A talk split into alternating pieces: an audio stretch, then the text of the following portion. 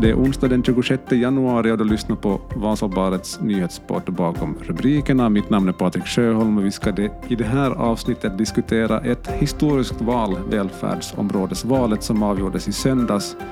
Med mig i dagens avsnitt har jag Vasabarets debattredaktör Björn Nyberg. Hej på dig! Hejsan! Vasabarets insändarsidor de har varit knökfulla den senaste tiden på grund av välfärdsområdesvalet. Hur har det varit för dig att hantera alla dessa insändare som har kommit in? Ja, det har ju varit mycket förstås. Jag har inte haft några problem med att få tiden att gå så att säga, men, men det är ju verkligen bra, det måste man ju säga för det första att det har varit mycket insändare.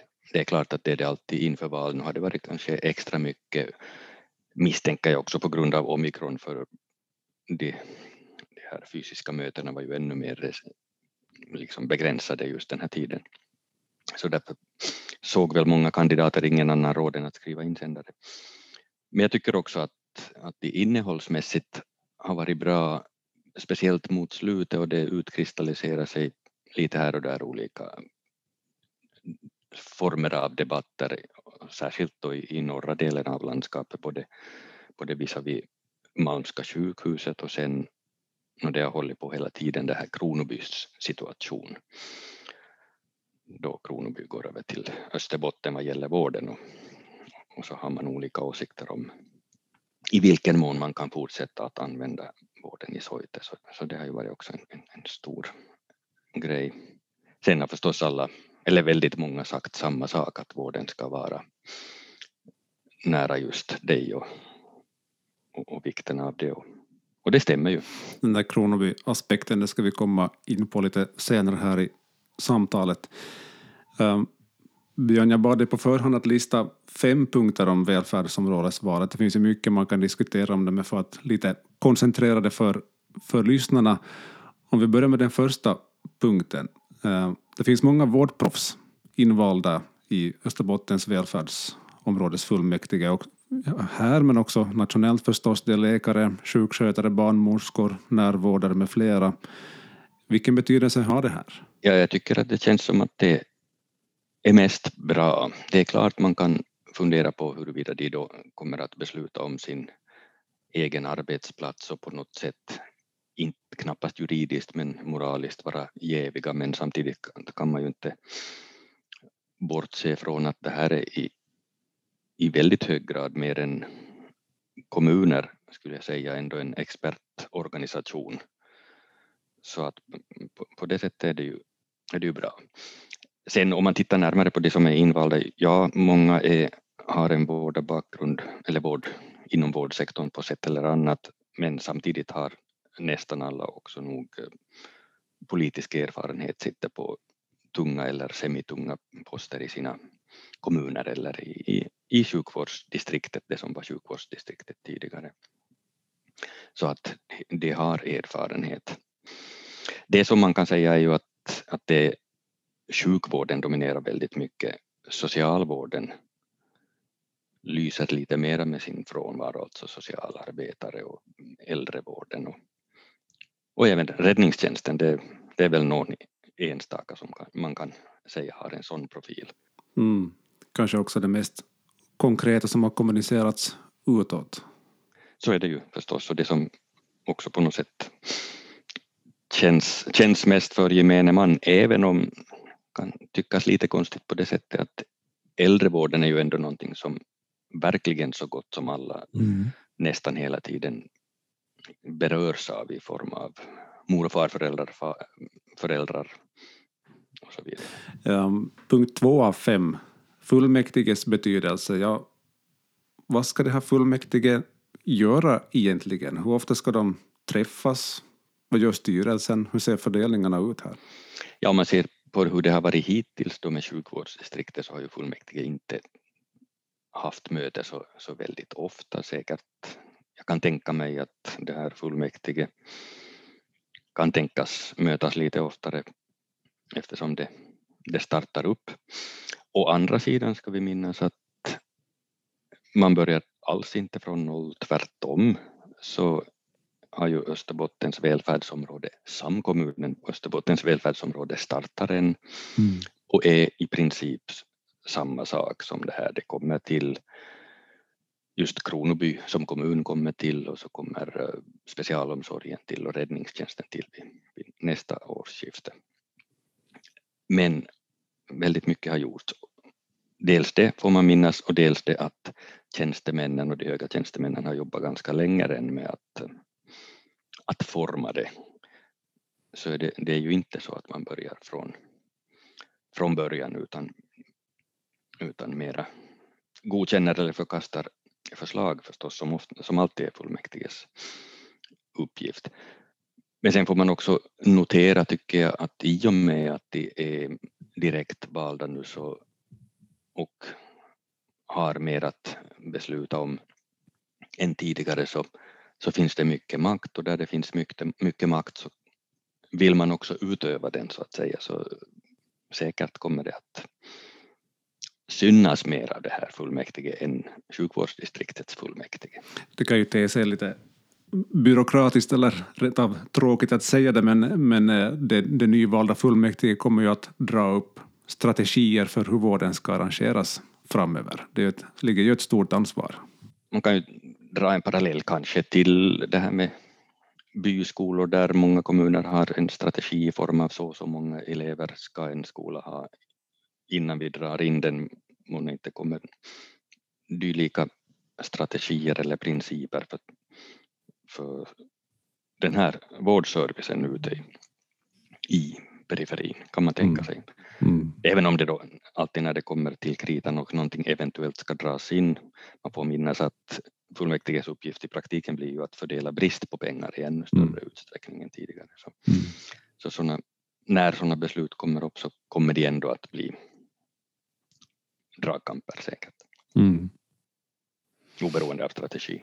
Ja, precis. Vi ska komma in på pengarna också. Innan det så tar vi eh, Kronoby, som du var inne på redan i inledningen här. Ett intressant fall eftersom Kronobyborna då igen hör till Eh, Österbotten, få vård i Österbotten efter att en, under en lång tid fått sin vård i mellersta Österbotten. Det här ämnet är rätt komplext, men vilka följder får det för, för Kronobybor till exempel? Det är just det som debatten har gällt.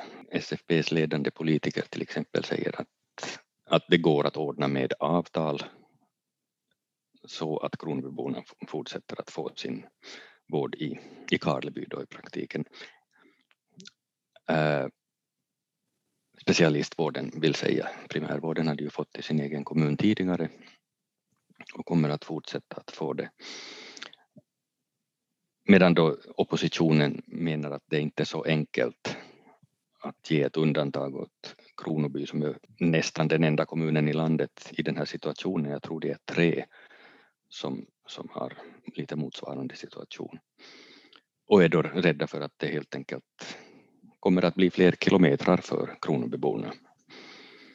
Uh, ja, så det där är en, det är helt enkelt en förhandlingsfråga nu och redan nu förstås, man håller ju på mellan Soite då som mellersta Österbottens område heter och, och, och, och mellan Öster, och Österbotten.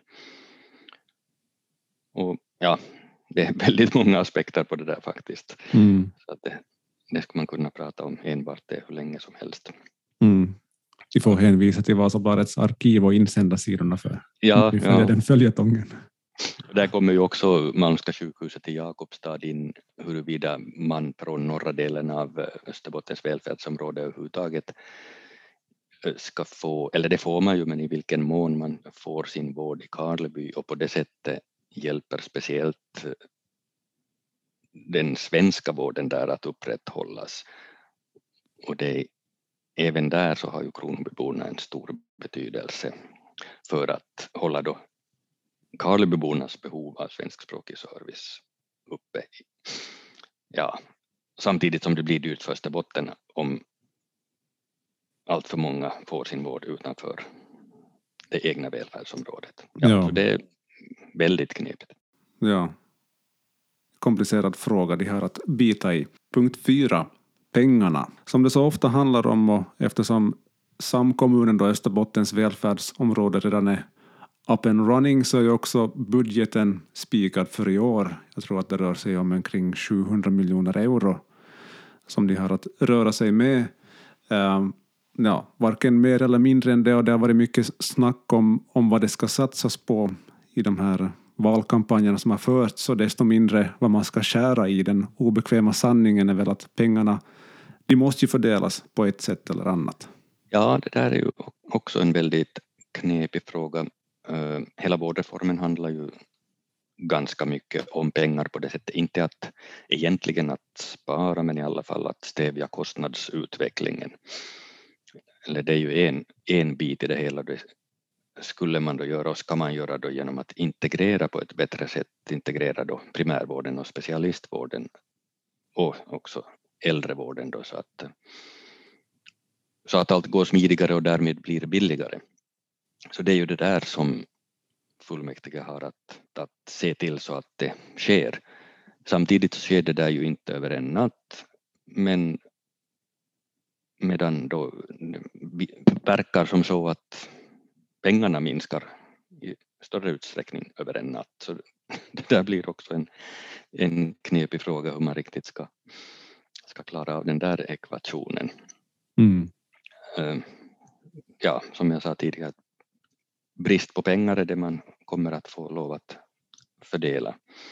Och någonstans måste man väl vänta med någonting, kanske man får lov att vänta med det här datasystemet till exempel som tycks kunna kosta vad som helst. Mm. Ja, jag vet inte, men prioriteringar måste göras i alla fall. Mm. Sen är ju kanske en hälsostation någonstans på landsbygden inte kostar så mycket heller i förhållande till vad det kostar sen om man inte har den så att det är ju inte så att nödvändigtvis att det är en besparing att dra in någonting eller det är det knappast. Men frågan är om, om det finns pengar från början eller inte. Hamnar man att förstöra någonting som fungerar för att man inte har pengar i början? Det, det känns som att det är en, en fara. En av de verkligt stora snackisarna så här lokalt och regionalt eh, den här femte punkten, eh, SFPs dominans i välfärdsområdesfullmäktige. Hur tror du de tänker de 26 ledamöter som inte tillhör SFP? Finns det en risk att de kan känna sig, att, de, att de kan bli förbisedda? Ja, de, de tror ju nog säkert att risken finns. Samtidigt även här, så det här är ingenting nytt. Det här fullmäktige har funnits i form av sjukvårdsdistriktets fullmäktige tidigare och med, med ungefär samma maktfördelning. Så på det sättet är man van vid det här. Men det är klart att det, det faktum att det nu handlar om, en, om mer än specialistvården, att det blir mer att besluta om, så gör att SFP har ännu större orsak att, att lyssna på alla så att ingen blir sur helt enkelt, för det är ju inte bra för någon. Sen finns ju det här ska säga, nationella perspektivet. Det verkar ju som om man nationellt blev lite tagen på säng att det fanns ett välfärdsområde där ett parti fick egen majoritet. Och, och det där kan ju förstås sticka i ögonen på andra partiordföranden som kommer att titta noga på att eh, SFP inte utnyttjar sin monopolställning om man kallar sig så. Och tycker de att SFP gör det så kanske de finner större skäl att ändra på välfärdsområdesindelningen i, i framtiden. Mm. Så även av den orsaken så får väl SFP vara lyhörda. Sen om man tänker på beslutsfattandet rent konkret så tycker jag att, att um, Anja Kuusisto tog upp en intressant tematik i gårdagens ledare i Sydin, att det ska bli intressant att följa med hur ofta frågor enar Vasas 20 ledamöter i förhållande till de andra, eller hur ofta det kan uppstå en skiljelinje, skiljelinje mellan Vasa söderut och norr om Vasa. Vilka, inom vilka segment eller diskussioner ser du att det eventuellt kan uppstå dragkamper? Och är de regionala eller politiska, eller hur ser du på det? Ja, de regionala kommer ju nog säkert att, att finnas inom olika, olika sektorer inom välfärdsområdet. just hur mycket, ja, hur mycket man ska uh, koncentrera kunnandet till i praktiken ofta Vasa då, mm. inte alltid förstås. Sådana skillnader finns inom olika sektorer, att man, man är bra på olika saker på olika ställen. Men oftast kommer det ju att, då det handlar om att, att välja mellan att ha, ha mycket ute över hela landskapet och att koncentrera kunskapen så kommer det att handla om Vasaregionen gentemot, gentemot resten. Och det är inte enbart Vasa för att Korsholmarna har ju också väldigt nära till, till Vasa centralsjukhus förstås. Så det är, ju, det är klart att nu kommer det där att komma. Och en sak som har att göra med det här är ju de här eh, äldrevården och eh, platserna, boendeplatserna, i vilken mån man ska skjutsa de äldre eller om man ska kalla det placera äldre där det finns plats om det inte finns plats väldigt nära. Eh, men det där är ju då ingen, det är ju ingen fråga som delar geografiskt kanske, utan alla vill ju, de äldre ska bo så nära sina anhöriga som möjligt förstås. Men jag kan tänka mig att man inte heller vill ge bort platser överallt. Mm. Att det fullt i en kommun så att deras egna invånare inte får plats för att det finns äldre från andra kommuner där just då, till mm. exempel det. Men vi får se vilka, vilka frågor de kommer att strida om så att stopporna yr. Mm. Och de här frågorna det kommer de att börja diskutera från och med den första mars eller hur? Då, då är det, det är det datumet som gäller för då, då det nya fullmäktige inleder sitt arbete. Då börjar de fundera på hur det ska se ut från och med 1 januari 2023. Ja. Samtidigt som, som sagt från 1 januari 2022 så börjar då samkommunen Österbottens välfärdsområde. Det som ändrar då vad gäller namnet är att från 2023 så heter det enbart Österbottens välfärdsområde, då är det inte längre en samkommun så där organisatoriskt. Mm. Men som sagt, så värst mycket ska inte ändra. Just nu har det väl inte ändrat så mycket egentligen för, för vanligt folk och kan, förhoppningsvis kommer det inte att ändra så mycket för vanligt folk heller nästa Nej. årsskifte. Det är väl i och för sig en kan säga, ledstjärna att det inte åtminstone ska försämras och helst inte märkas alls. Allting ska bara gå som smort ur patientens mm. synvinkel. Och vi får lära oss ordmonster som Österbottens välfärdsområdes fullmäktige. Ja. Det, det tungvrickare. Det heter ju, den, den finska benämningen är ju mera närmare region ja. än, än område och regionval. Och i Sverige kallar man ju det regionen nu för tiden, det som, ofta det som tidigare var landsting. Mm. Men än så länge har vi av någon anledning det välfärdsområde. Mm. Får se om det kommer ännu fler funktioner in i välfärdsområdet om man får lov att ändra benämningen. Om, vi, om de har ytterligare trafiken till exempel skulle kunna höra till samma område. Det är också en sån här regional fråga om utvecklingen går dit hen. Den utvecklingen kommer att bli intressant att följa i alla fall här framöver.